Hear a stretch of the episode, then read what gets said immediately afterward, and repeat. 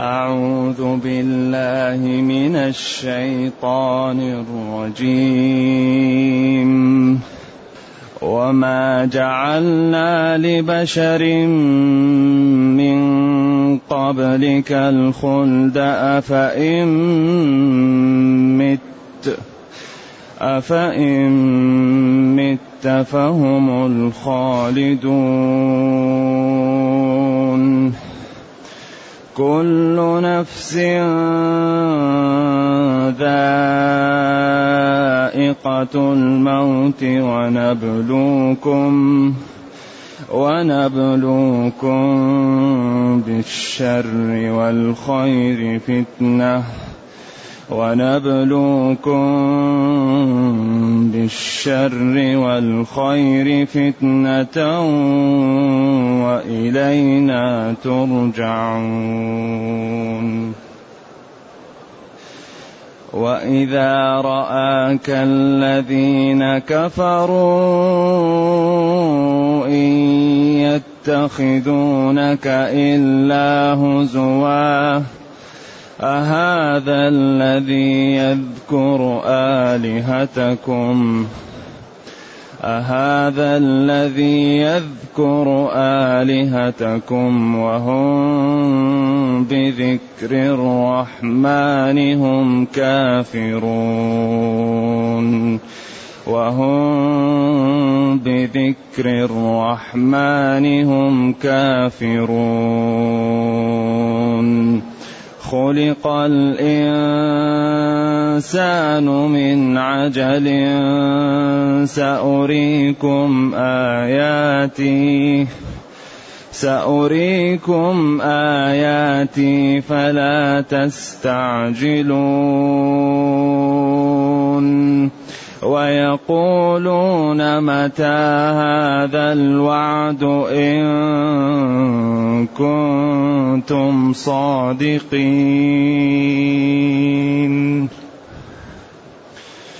لو يعلم الذين كفروا حين لا يكفون عن وجوههم النار ولا عن ظهورهم لو يعلم الذين كفروا حين لا يكفون عن وجوههم النار ولا عن ظهورهم ولا عن ظهورهم ولا هم ينصرون. بل تأتيهم بغتة فتبهتهم فلا يستطيعون ردها فلا يستطيعون ردها ولا هم ينظرون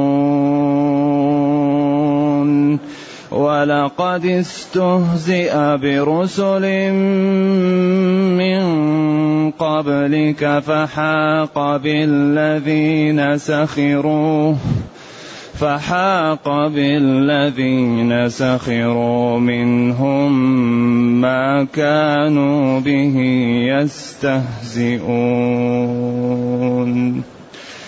قل من يكلأكم بالليل والنهار من الرحمن بل هم عن ذكر ربهم بل هم عن ذكر ربهم معرضون أم لهم آلهة تمنعهم من دوننا لا يستطيعون نصر أنفسهم لا يستطيعون نصر أنفسهم ولا هم منا يصحبون. بل مت ومتعنا هؤلاء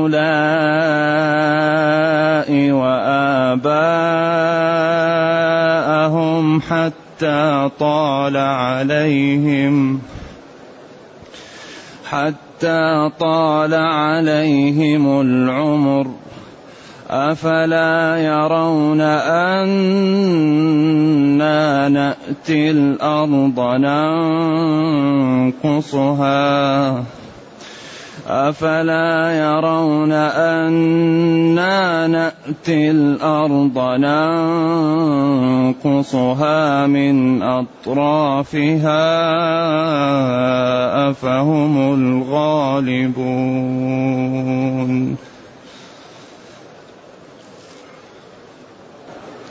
الحمد لله الذي أنزل إلينا أشمل كتاب وأرسل إلينا أفضل الرسل وجعلنا خير أمة أخرجت للناس. فله الحمد وله الشكر على هذه النعم العظيمة والآلاء الجسيمة. والصلاة والسلام على خير خلق الله وعلى آله وأصحابه ومن اهتدى بهداه. ما بعد فإن الله تعالى يذكر للذين يستعجلون ذهاب النبي صلى الله عليه وسلم والتخلص منه وأنه بشر يذهب ويستريحون منه. فقال جل وعلا وما جعلنا لبشر من قبلك الخلد. إذا كانوا يريدوا بك الموت فهم يموتون. وإذا كانوا يريدوا بك التحول وهم يتحولون. وما جعلنا لبشر من قبلك الخلد البقاء. إذا أفهم الخالدون؟ لا لا يبقون. كل نفس ذائقة الموت. وقلنا إن هذا دليل على أن الخضر أنه مات سواء كان رجلا صالحا أو نبيا أو رسولا على الأقوال الموجودة. وسبق أن استظهرنا أنه نبي من أنبياء الله بدليل قوله وما فعلته عن أمري. وأن قتل النفوس وإفساد أموال الناس هذا لا يكون بالإلهام. الإلهام لا تؤخذ منه الأحكام. الإلهام والمنامات لا تؤخذ الأحكام منه وإنما تؤخذ الأحكام من الوحي. فقوله وما فعلته عن أمري أكبر دليل على أنه نبي. نعم. إذا وما جعلنا لبشر من قبلك الخلد. لم نجعل لأحد من البشر من بني آدم أو من المخلوقات الخلد البقاء. ما في. ما في أحد مخلوق إلا يموت. كل نفس ذائقة الموت. وسبق أن قلنا أن أشد ما يمر على الإنسان في الدنيا الموت. والموت أشد حادث مما يمر على الجبلة وهي أخف ما يأتي بعدها أهوال وعوالم وأمور. فلذلك يعني لا بد للعاقل من أن ينتبه كل نفس ذائقة الموت. نعم. كل من عليها فان. أينما تكونوا يدرككم الموت. أينما تكونوا يعني يأتي وقت الموت يدرككم. ولو كنتم في بروج مشيدة مزخرفة بالشيد أو مطولة أو محصنة. لأن التشييد إما بالتحصين أو بالتجميل أو بالتطويل. هذا لا يمنع من الموت.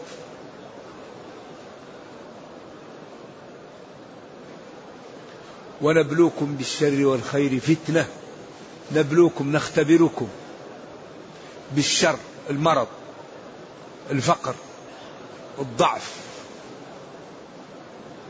العقم تسلط الناس والخير الغنى والجمال وحسن السمعة وحسن الصيت ابتلاء. لا يسأل عما يفعل. أختبركم. نأتي بالحلال والحرام ونأتي بالبذل ونأتي بوجوب يبذل الإنسان من ماله ونفسه ووقته. ويقول كلمة الحق. ابتلاء. ابتلاء. ذلك لا يقول واحد أنا أعطيت لأنني. أو فعل بي لأنني. لا هذه ابتلاءات. ولذلك ربنا هو الذي يدبر لنا يدبر الأمر. فلا يقول أحد عمل لي وعمل لي لأن بعض الناس لا يصلح إلا الفقر. فالله يجعله فقيرا رحمة به. وبعض الناس لا يصلح إلا الغنى فالله يغنيه رحمة به. وبعض الناس لا يصلح إلا الكفاف فالله يعطيه الكفاف رحمة به. ذلك هو يدبر لنا. بعض الناس إذا كان عنده الغناء بطر وتكبر وظلم وأسرف. وبعض الناس إذا كان فقير تسخط وتشكى. فلذلك الله هو الذي يدبر لنا. ولذلك يختار ما كان لنا. الخيار هو الذي يختار لخلقه. وكل واحد يعطيها الذي يناسبه. فلذلك من رضي فله الرضا.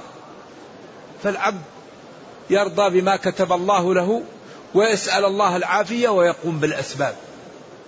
أول شيء نسأل الله ونقوم بالأسباب. لأنه ما في الذي لا يقوم بالأسباب هذا يتواكل هذا لا يجوز. لا بد أن نقوم بالأسباب أسباب الغناء أسباب العلم أسباب التقاء. أسباب العز أسباب القوة أسباب الرفعة. لا بد أن نتحرك عشان إيش؟ عشان ننال في هذه الدنيا لأن هذه الدنيا لا تعطي للإنسان إلا ما يعطي لنفسه. ما في شيء بلاش من يريد العلم يدرس. بما كنتم تعلمون الكتاب وبما كنتم تدرسون. من يريد التقاء لا يتكلم بالحرام لا ينظر إلى الحرام لا يسمع الحرام لا يضع في بطنه حرام لا يلمس بيده حرام لا يمشي لرجله إلى حرام لا يرسل فرجه على الحرام. بعدين يكون فيه تقى. من يريد الغنى؟ يبيع ويشتري يزرع يتسبب. إذا كل باب مفتوح. الذي لا يريد شيء ينام. لا يريد العلم لا يريد الجنة لا يريد العز ينام خلاص يجلس. ينام ويستيقظ وينام ولا يتعمل أي حاجة. لن يصل إلى معالي الأمور إلا بماذا إلا بالتعب. لذلك الآن تجد غير المسلمين علموا من ظاهر الحياة الدنيا قيمة العمل. كم يشتغلون في اليوم من ساعة؟ كم نحن نشتغل من ساعة؟ كم يبذلون للذي يعمل عندهم؟ كم نحن نبذل للذي يعمل عندنا؟ كم يضعوا ميزانيات للإبداع؟ أكثر ما يضعوا للإبداع. كم قيمة الاستشارة عندهم والعقول؟ نحن المسلمين كيف العقول عندنا؟ لذلك هم صاروا أقوياء ونحن صرنا ضعاف لأنهم قاموا بالأسباب. علموا من ظاهر الحياة الدنيا أن الدنيا لا تعطيك إلا ما تعطيها تبذل تربح. تنام تخسر. لذلك الله حث على هذا. حث على على قيام بقانون قانون الكون. قانون الكون أنك إذا بذلت تجد وإذا لم تبذل لا تجد. قل اعملوا اعملوا. أمر بالعمل وجوب اعملوا تعاونوا. افعلوا الخير. اثبتوا اذكروا الله. لكن نحن عندنا هذا الكتاب الذي لا يأتيه الباطل من بين يديه ولا من خلفه. ونقرأه في المسجد وإذا أردنا أن نخرج من المسجد نقول خليك في المسجد أحسن لك الكتاب. فإذا رجعنا للمسجد نصلي ونذكر الله وإذا رحنا لبيوتنا قليل منا من يلبس الدين في بيته. والدين لا ينفعنا إذا لبسناه في البيت وفي الشارع وفي الطريق. نعمل بالدين في كل محل. أما نكون نعمل بالدين في المسجد وإذا خرجنا نعمل بطريق أخرى هذا يكون نفع الكتاب لنا ناقص. إذا ونبلوكم بالشر والخير فتنة. الدنيا خلقت للابتلاء. قال تعالى تبارك الذي بيده الملك وهو على كل شيء قدير الذي خلق الموت والحياة ليبلوكم. وقال جل وعلا وما من دابة في الأرض إلا على الله رزقها ويعلم مستقرها ومستودعها.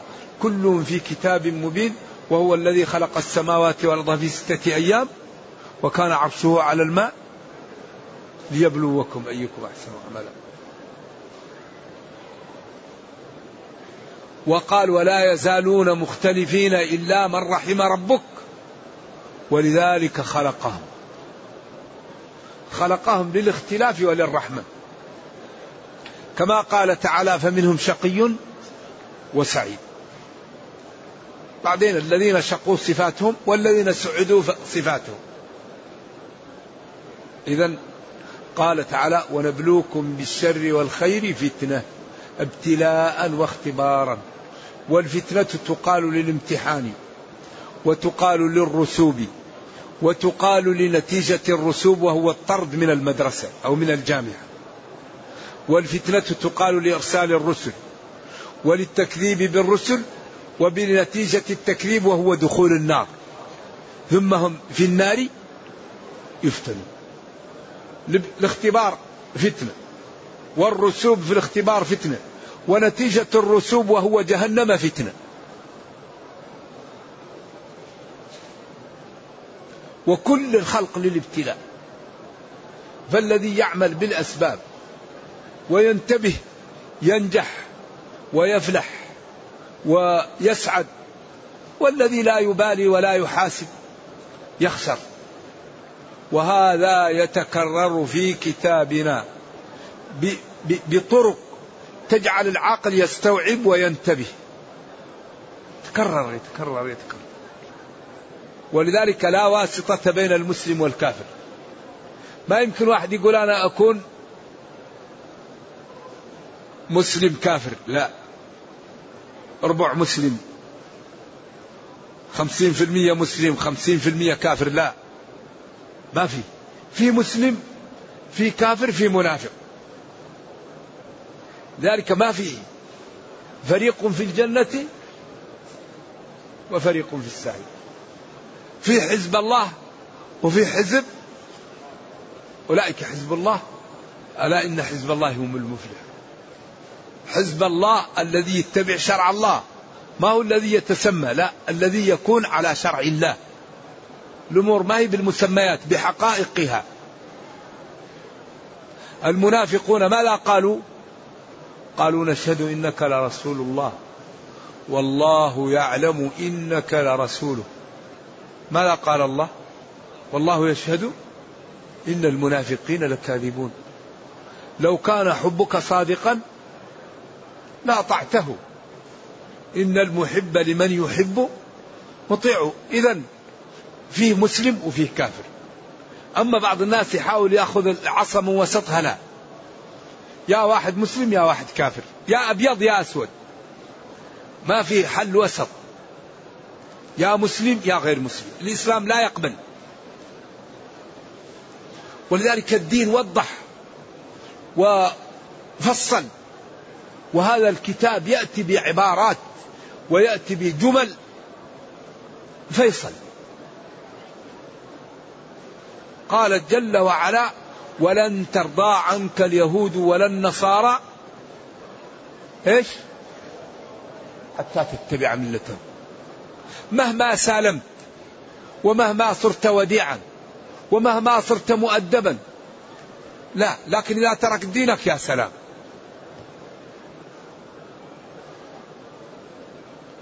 وقال ومن يتولهم منكم فإنه منهم. هذا كلام من؟ كلام الله. وقال لا تتخذوا اليهود والنصارى أولياء. بعضهم أولياء بعض. لكن لا نظلمهم ولا نسرق مالهم ولا نزور شهادات زور ونحن معهم ولا ونعدل فيهم. وندعوهم للدين بأخلاقنا قبل أقوالنا. ولا نكون سبب حيلولة كثير من الكفار عن الدخول في الإسلام بأخلاقنا التي لا تتبع ديننا. لأن هذه ابتلاء يعيشه أهل الأرض الآن. يعني من الابتلاءات التي يعيشها سكان الأرض أن المسلمين يحولون بين الكفار وبين الدخول في الإسلام. أكبر معوق عن دخول العالم في الإسلام أخلاق كثير من المسلمين. وهذه هذا ابتلاء. المسلمون كالجبل الذي يحول بين الكفار وبين حقيقة الإسلام وجماله. كيف ذلك؟ الإسلام يقول لك لا تظلم لا تكذب لا تسرق لا تزني لا ترابي تصدق انفق اصلح ذات البين افعلوا الخير لعلكم تفلحون.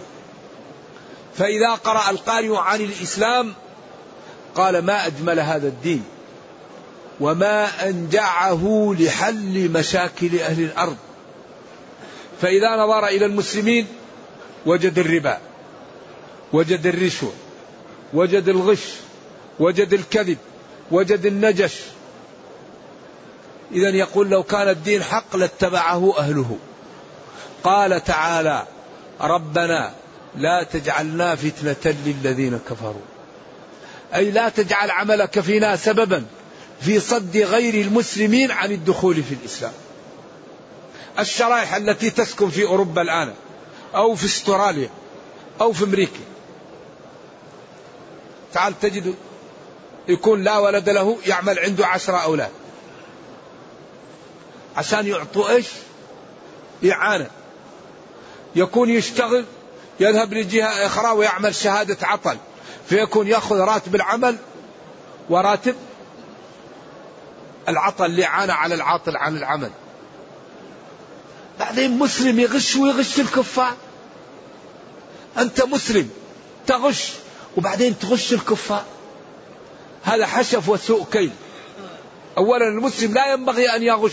وبعدين كمان يغش من؟ يغش الكافرين عشان يقولوا دينه فاسد. هذا لو كان عنده دين ما غش دينه. ذلك المسلم لا غش أبدا. لا يغش الكفار ولا الصلحاء ولا يظلم ولا يكذب ولا يسرق ولا يزني ولا يرابي.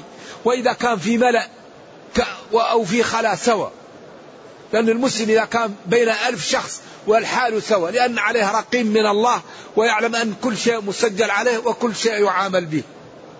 فالمسلم لا يهمه إذا كان بين الناس أو في خلا لأن عليه رقيب وعتيد وعليه رقيب من الله. إذا نحن ينبغي لنا أن نجتهد لنظهر للناس جمال هذا الدين.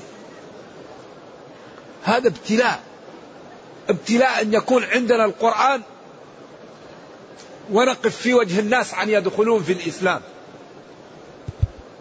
هل في ابتلاء أكبر من كذا هذا الكتاب المعجز الذي لا يأتيه الباطل من بين يده ولا من خلفه. تنزيل من حكيم حميد. نور نور. وأنزلنا إليكم نورا مبينا. قل هو للذين آمنوا هدى وشفاء. لابد أن نهتم لإيصال هذا الكتاب للعالم. بالطرق التي متاحة لنا. عن طريق الترجمة عن طريق المحاضرات الندوات المواقع الجرائد المجلات عن طريق القنوات الإذاعات حتى ننقذ البشرية. وكثير من هؤلاء يوشك يوم القيامة أن يلببنا. يلببنا أحدهم يقول يا ربي إن المسلمين عندهم القرآن وعندهم السنة وعندهم الصح وقد منعونا من الدين بأخلاقهم وعدم بيانهم لنا البيان الأمثل.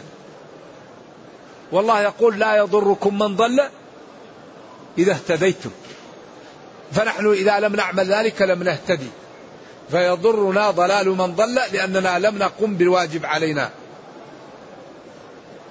إذا ونختبركم ونبلوكم بالشر والخير فتنة ابتلاء. بعدين قال وإلينا ترجعون. هذه النتيجة. وإلينا ترجعون. تبعثون ويجازى كلا بعمله. ما فيه شيء بلاش. الذي يعمل سيجازى. والذي يخطئ سيعاقب. هذا في الجملة. وإلينا ترجعون. لا إلى غيرنا إلينا إلى الله ترجعون لا إلى غيره وهو الذي لا تخفى عليه خافية وما تسقط من ورقة إلا يعلمها ويعلم ما لم يكن لو كان كيف يكون. لو خرجوا فيكم ما زادوكم إلا خبالا وهم لم يخرجوا. إذا ما الحل؟ وإلينا ترجعون. وإلينا تبعثون وتعادون ونجازي كلا بعمله.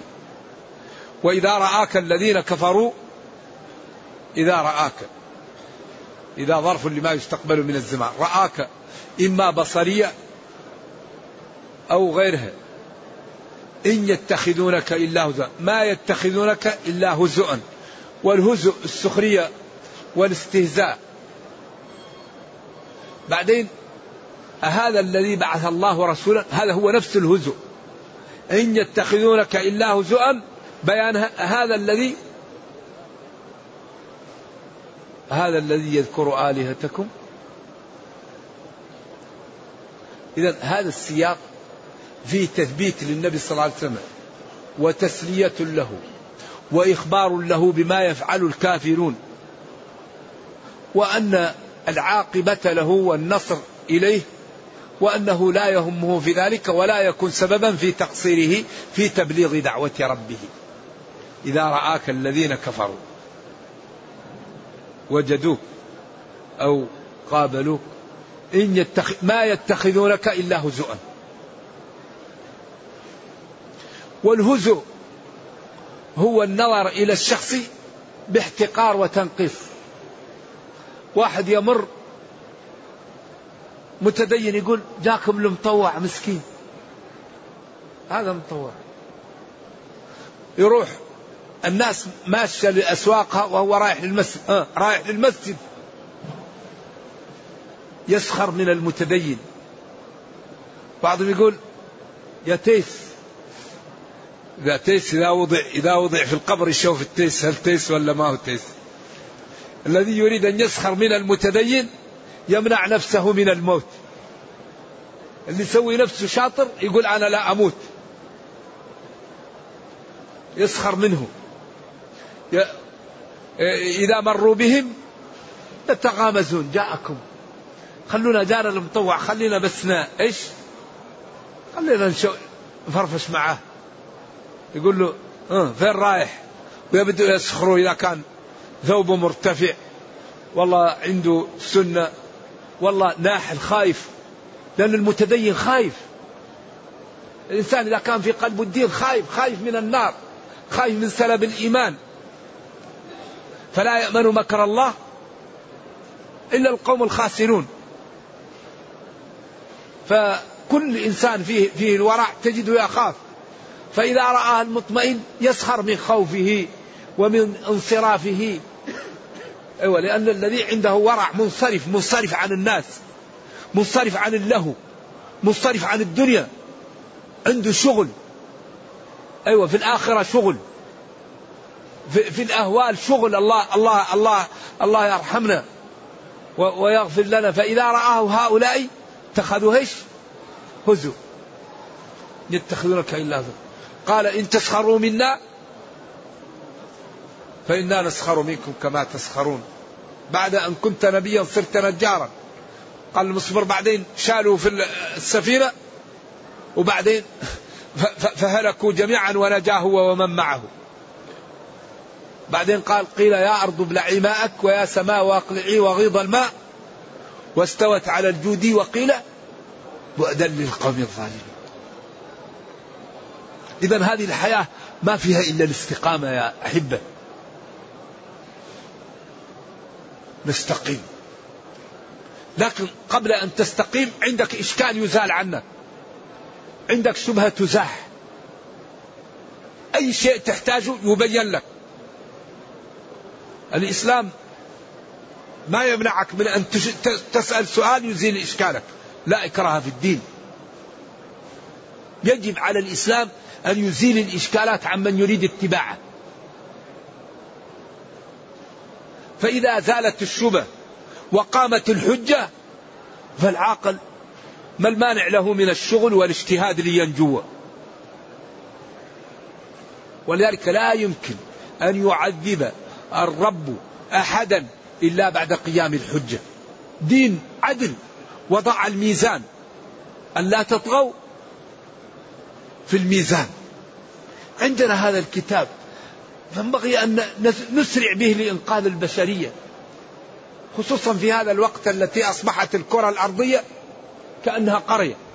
لا بد أن نجتهد حتى ننقذ العالم من النار. ننتشل أكبر كمية من الناس من النار. لذلك كل الدين قائم على الإقناع لا إكراه في الدين. أم خلقوا من غير شيء؟ أم هم الخالقون؟ أم خلقوا السماوات والأرض؟ لم يكن. بس إذا خلقهم الله. وإن كنتم في ريب مما نزلنا على عبدنا ما قال فقد كفرتم. قال فأتوا بسورة يعني أسس وبراهين عجيبة. إذا السخرية لا يهم. المسلم إذا سخر منه الساخرون سامحهم الله.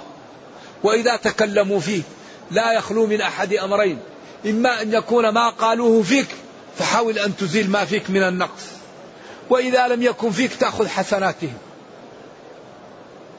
بهتوك ولذلك المسلم لا يهمه ولا يشتغل. فلان قال لا لا اشتغل فيما ينفعك. من حسن إسلام المرء. لذلك الله يقول وقل اعملوا اعملوا تعاونوا كونوا مع الصادقين. اثبتوا أوامر. المسلم في شغل.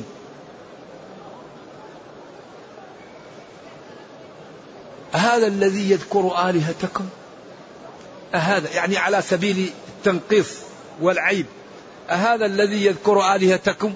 يعني بالشر وبالعيب. لأن السياق يدل على ذلك. يقول فلان ذكر فلانا. أي بخير أو بسوء والسياق هو الذي يمايز. هذا الذي يذكر آلهتكم؟ أي بسوء ويعيبها؟ طيب آلهتهم هي تعيب انفسها هم لا يستطيعون شيئا. ولا يخلقون شيئا. ولا يملكون لأنفسهم شيء. ولا يجيبون. كيف العاقل يعبد الأصنام؟ بعدين هذا وهم بذكر الرحمن؟ هم كافرون. شوف الرد الجميل في غاية الإيجاز والبلاغ. هذا الذي يذكر آلهتكم بالسوء. وهم يعيبونه أن يتكلم على الأصنام وهم بذكر الرحمن هم كافرون. يقول وما الرحمن إنكارا؟ يقول ما فيه إلا هؤلاء. بعدين قال خلق الإنسان من عجل. هذه مبالغة. تقول خلق حاتم من الجود. يعني من طبيعة الإنسان العجلة. وذلك في ثلاثة أقوال. لأنه خلق من بعد العصر يوم الجمعة فكان الوقت قليل فكان في وقته تعجيل. وقيل لما خلقه ودبت الحياة في صدره قال يا رب عجل. لآكل. خلق الإنسان من عجل. وقيل العجل الطين. وهذا استبعده الطبري وابن جزي وكثير من العلماء. قال لأن السياق لا يقبله. بقوله سأريكم آياتي فلا تستعجلون. فقال السياق لا لا يجعل أن العجل هنا هو الطين. إذا خلق الإنسان عجول ولذلك لما رأى ما رأى من كفرهم كأن الأتقياء استعجلوا إباق هؤلاء. فقال لا تستعجلوا. إن الله ليملي للظالم حتى إذا أخذه لم يفلت. وكذلك أخذ ربك إذا أخذ القرى وهي ظالمة. إن أخذه أليم شديد. أو يأخذهم على تخوف تنقص. شوية شوية شوية وبعدين. آه آه ما في. لذلك العاقل لا يغتر بالعافية ولا يغتر بالنعمة وإنما يحاول أن يشكر الله ويستعمل نعم الله في طاعته. وأكبر شكر أن النعم التي أعطاك ربك لا تستعملها في الحرام. أكبر شكر أن النعم التي أسدى لك ربك لا تستعملها في الحرام. ولذلك امتن علينا بموارد العلم وأشار جل وعلا أنه أعطانا إياها لنشكره. فقال ممتنا علينا في سورة النعم الامتنان والله أخرجكم من بطون أمهاتكم. لا تعلمون شيئا. وجعل لكم السمع والأبصار والأفئدة لعلكم تشكرون. أعطاك موارد العلم؟ تقرأ المصحف. تسمع القرآن. تفكر كيف ننقذ نفسي؟ كيف ننقذ والدي؟ كيف ننقذ جيراني؟ كيف ننقذ أصدقائي من النار؟ كيف نترك لي بصمات قبل أن نموت؟ كيف أكون آدميا؟ كيف كيف أعمل؟ كيف أعمل مشروع؟ أعمل مشروع يكون مهمته منح الأذكياء من أولاد الفقراء. معالجة المرضى المرض المستعصي إيجاد عمل للعاطلين من المسلمين. كيف أترك بصمات؟ أرتقي بديني وبأمتي. لذلك هذه الدنيا تعطيك على ما تعطيها. أوفوا بعهدي أوفي بعهدكم. من تحرك ربح ومن سكن خسر. ويقولون متى هذا الوعد إن كنتم صادقين؟ متى؟ إذا قال وخلق الإنسان عجولا. خلق الإنسان من عجل. متى هذا الوعد؟ متى؟ للاستبطاء متى؟ هذا الوعد وهو إهلاكنا أو العقوبة.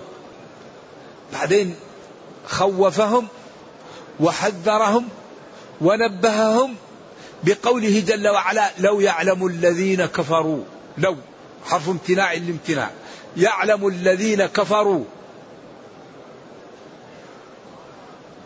حين لا يكفون عن وجوههم النار لأنهم مكتفون ولا عن ظهورهم لا يمكن أن يدفع النار بأيديه لأنه مغلول.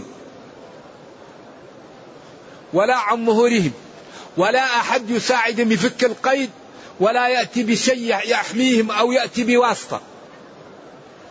ما في ما في إلا حسنات وسيئات ولذلك قال تكوى بها جباههم وجنوبهم وظهورهم ويقال لهم هذا ما كنستم لأنفسكم. لو يعلم الذين كفروا حين وقت لا يستطيعون أن يدفعوا ما يصل إليهم من العذاب لما كفروا ولما سلكوا هذه الطريق الوعرة المضلة المخيفة. ولرجعوا عن هذا في أول وهلته ولكن حذف الجواب وهو مفهوم من السياق. لو يعلم الذين كفروا ما يحصل لهم حين لما فعلوا ذلك. أو لتابوا أو لآمنوا أو لبادروا بالابتعاد عن هذا المسلك الوعي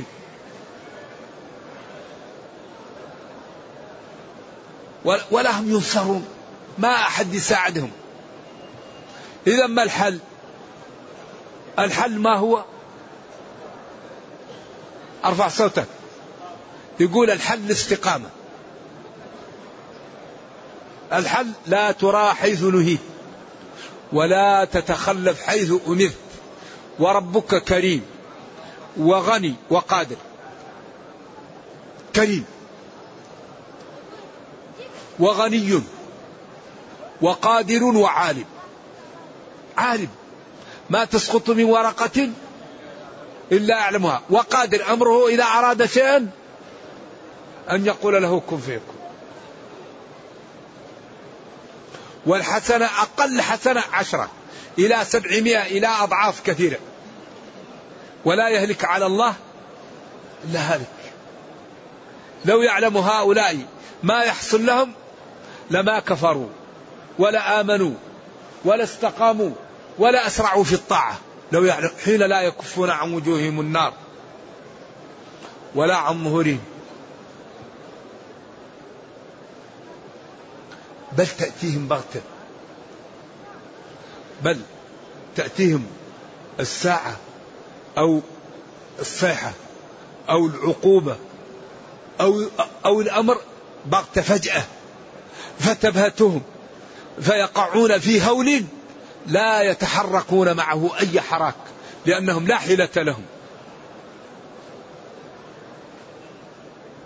أتى الشيء بغتة ما له مقدمات لأن إذا جاءت مقدمات يكون الإنسان يتصبر لكن إذا جاء من غير مقدمات يكون وقعه على النفس أشد وأنكى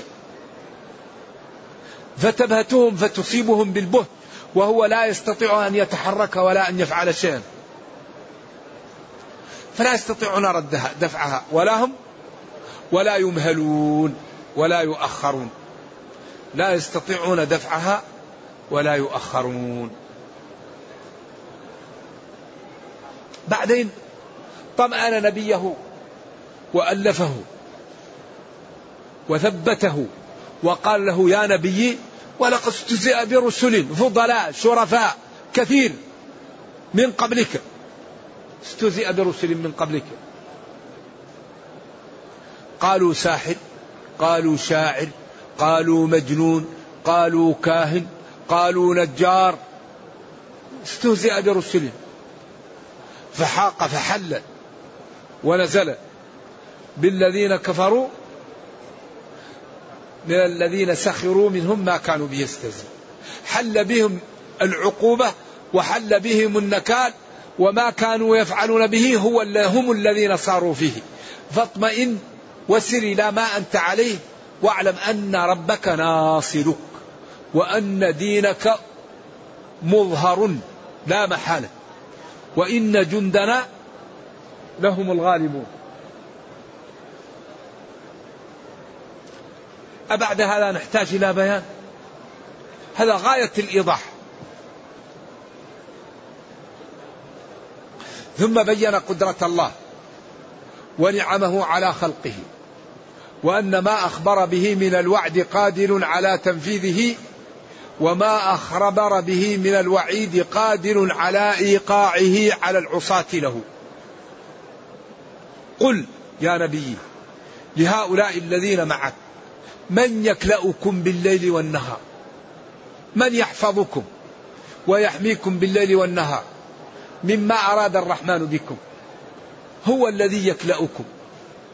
فكيف أنتم تكلؤون أنفسكم دونه؟ وهو كل ما عندكم من الخير منه وكل ما يدفع عنكم من الشر هو الذي يدفعه عنكم. وقد أرسل لكم جندا لا ترونهم يحفظونكم بالليل والنهار. له معقبات من بين يديه ومن خلفه يحفظونه. الحفظ صادر من أمر الله تعالى.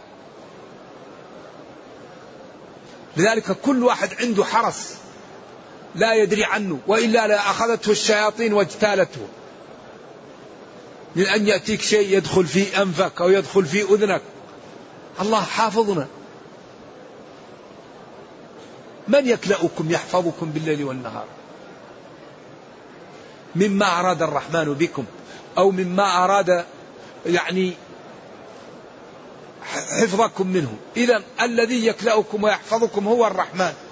فكيف يسدي عليكم نعمه وتشكرون غيره؟ هو نعمه عليكم منصب صبا وأنتم تقابلون هذه النعم بالكفران وبالعصيان. هذا الإنسان أمره عجيب.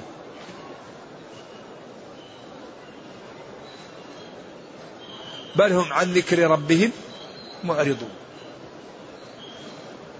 بل هؤلاء عن ذكر ربهم وحدانيته ووحيه وما جاءتهم به الرسل وأتباعها معرضون ملتفتون لا يقبلون. وهذه هي البلية الكبيرة. إذا كان الإنسان لا يستعمل موارد العلم في طاعة الله من أين تأتيه الهداية؟ إذا كان ليس مستعدا أين تأتي الهداية؟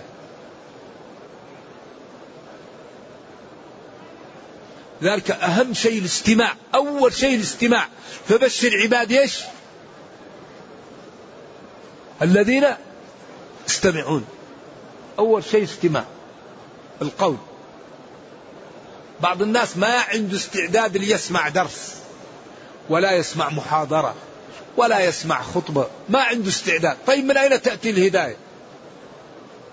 هذا الذي لا يسمع هو من الخاسرين الذين خسروا أنفسهم وأهليهم يوم القيامة. ألا ذلك هو الخسران المبين. أما الذي يستمع قال فبشر عبادي أي عبادي الذين أطاعوني واتبعوا رسلي والتزموا أوامري واجتنبوا نواهي. يستمعون القول. فيتبعون احسنه هؤلاء الذين هداهم الله وهؤلاء هم أصحاب العقول. ويفهم من دليل الخطاب أن الذي لا يستمع لم يهديه الله ولا عقل له. لذلك هذا الدين لا يقاوم الإسلام. ديننا لا يقاوم أبدا. لو جاء أهل الأرض لا يقاوم الإسلام. إلا بما لا إلا إذا جهله أهله أو منعوا من أن يبينوه للناس. الذي يقف في وجه الإسلام الجهل وعدم بيان الإسلام. فإذا فهم المسلمون الإسلام وبينوه لا يقاوم الإسلام. بل ألهم آلهة تمنعهم من دوننا وقيل الميم زائدة ألهم آلهة تمنعهم من دوننا؟ معبودات تمنع لا يستطيعون نصر أنفسهم ولا هم منا يصحبون. ما عندهم واحد صديق يصحبهم يمنعهم. إذا آلهتهم لا تنفع ولا تضر ولا فائدة فيها بل ضررها أكثر من نفعها. بل متعنا هؤلاء وآباءهم أعطيناهم النعم والخير وزدناهم وزدناهم حتى طال عليهم العمر. ولذلك أكثر ما يضل الناس فطال عليهم الأمد فقست قلوبهم. نعمة ورا نعمة ورا نعمة بدون شكر تقسي القلب. بعدين ينغرق الإنسان في المعاصي فيقع في الهلكة بل متعنا هؤلاء وآباءهم. متعناهم بالولد بالمال بالكهرة بالخير. وإذا أردنا أن نهلك قرية أمرنا مترفيها بالطاعة. فلم يمتثلوا وفسقوا فيها فحق عليه القول. أو أمرناهم كثرناهم وجعلناهم ناس كثير وانهمكوا في المعاصي فأوبقناهم.